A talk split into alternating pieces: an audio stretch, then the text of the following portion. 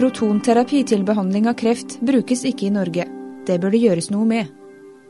Velkommen til tidsskriftets podkast for nummer 8 2010. De siste årene har det kommet krav fra vitenskapsmenn og pasienter om at Norge bør starte med protonterapi. Det er en form for strålebehandling som har klare fordeler i forhold til tradisjonell strålebehandling, forteller Einar Valderland.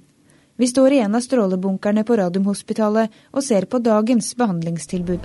Ja, Her uh, har vi en maskin som kan uh, rotere rundt en pasient. Pasientene kan da legge seg på bordet, og så kjører du pasienten innover mot maskinen, slik at uh, strålingen treffer akkurat det stedet der kreftsvulsten befinner seg. Men dette er vanlig, tradisjonell strålebehandling? Dette er tradisjonell strålebehandling, og Eh, hvis vi skulle brukt denne til eh, eh, protoner, så ville kanskje behandlingsrommet sett ut noe av det samme, men så ville du hatt et mye større anlegg som lå i bakkant, altså utenfor det pasienten ser. Da.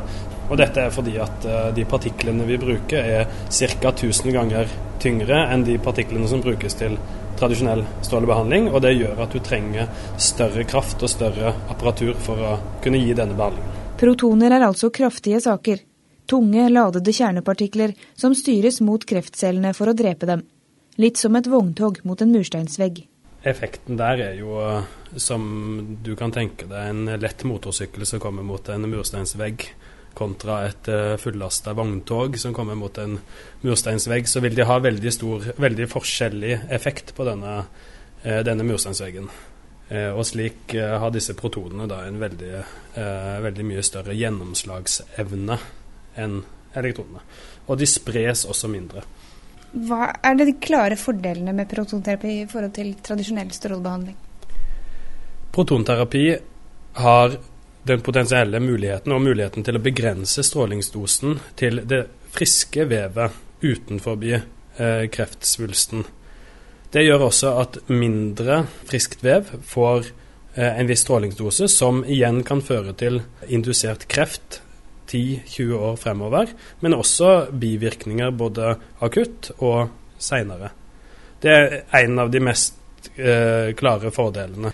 I tillegg så har prodonterapi en slik egenskap at den avsetter eh, strålingsdosen eh, veldig presist, og at du da har veldig liten dose etter mesteparten av strålingsdosen er avsatt. Dette fører jo til at eh, protonterapi eh, gir lavere dose til friske vevet, men samtidig så kan du da øke dosen til kreftsvulsten og gi behandling til pasienter som ikke kunne blitt tilbudt eh, behandling med eh, ordinær stråleterapi, fordi at det ikke vil la seg teknisk gjøre.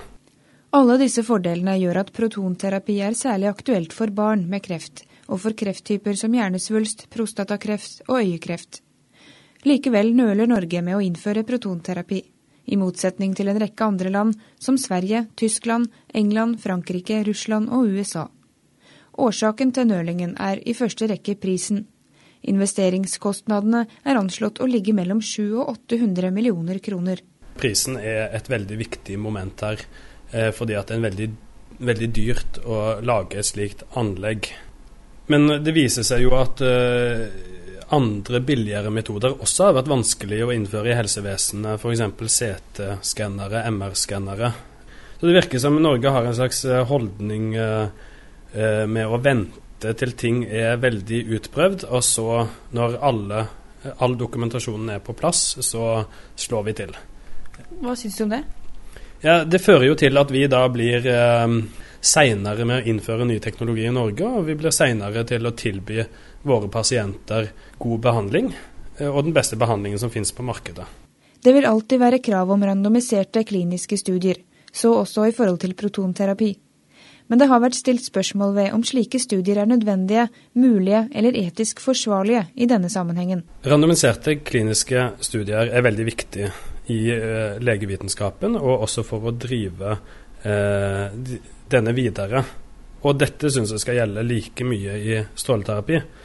Men for å kunne gjennomføre disse studiene, så må det være en sann usikkerhet om hva som er best av det du sammenligner. Og så lenge du har én metode som veldig overveiende sannsynlig er bedre enn den andre, så vil det ikke være etisk å gjennomføre en slik studie, fordi at eh, da tilbyr du noen pasienter den behandlingen som, er, som du mistenker veldig sterkt er dårligere. da. Men samtidig så, så finnes det da mulige studier som du kan gjennomføre, f.eks. å sammenligne protonterapi og pasienter som får det i dag, med tidligere pasientgrupper som har fått en annen type behandling, tradisjonell strålebehandling, tidligere. Eh, og I tillegg så kan du da sammenligne protonterapi med andre alternativer som ikke involverer stråleterapi, f.eks. kirurgi. Men Norges avventende holdning betyr ikke at intet skjer. Det gjøres mange vurderinger og stilles mange krav rundt om i landet. Kunnskapssenteret utarbeidet en rapport som ble publisert i 2006, der en gruppe eksperter innen strålebiologi, fysikk, onkologi og metodevurdering har gjennomgått dokumentasjonen. Eh, den rapporten konkluderer med at det det sås lite tvil om de potensielle fordelene, fysiske fordelene ved eh, levering av protonterapi, men at den kliniske dokumentasjonen er manglende og at slik sett må protonterapi fremdeles ses på som en utprøvende behandling. I tillegg så er det nå i disse dager ei gruppe som er satt ned av Helse- og sosialdirektoratet. Og de skal da uttale seg om den potensielle teoretiske nytteverdien av et slikt tilbud i Norge. Og dette er også på agendaen til Nasjonalt råd for kvalitet og prioritering i helsetjenesten, Eh, og det antas at de vil jobbe videre med dette etter rapporten foreligger fra Helse- og sosialdirektoratet. Din konklusjon i artikkelen er at Norge bør satse på protonterapi. Hvorfor? Det var en svensk ekspertgruppe som uttalte seg før det ble bestemt at de skulle eh, bygge et protonanlegg i Uppsala. Og De konkluderte med at eh, hvis vi tar disse tallene til Norge, så vil det være ca. Eh, 1000-1500 pasienter årlig som kunne hatt en slik nytte av protonterapi i Norge. Hvis disse tallene viser seg å stemme, så kommer vi nok ikke utenom at vi må ha et slikt tilbud i Norge. Eh, og I Norge så har vi også gode kreftregistre, gode muligheter for å følge opp pasienter i etterkant. og Slik sett kan vi òg bidra til å eh, drive forskningen på dette fremover. Men det aller viktigste er at fagpersonell må utvikle kompetansen på dette, og at vi må ha en strategisk satsing på dette fremover. Og Siden prisen når det gjelder investering er såpass høy, eh, så er det også en politisk beslutning som må til her. Du kan lese mer om protonterapi i kronikken til Valgeland i tidsskriftet nummer åtte. Neste podkast kommer torsdag 6. mai. På gjenhør.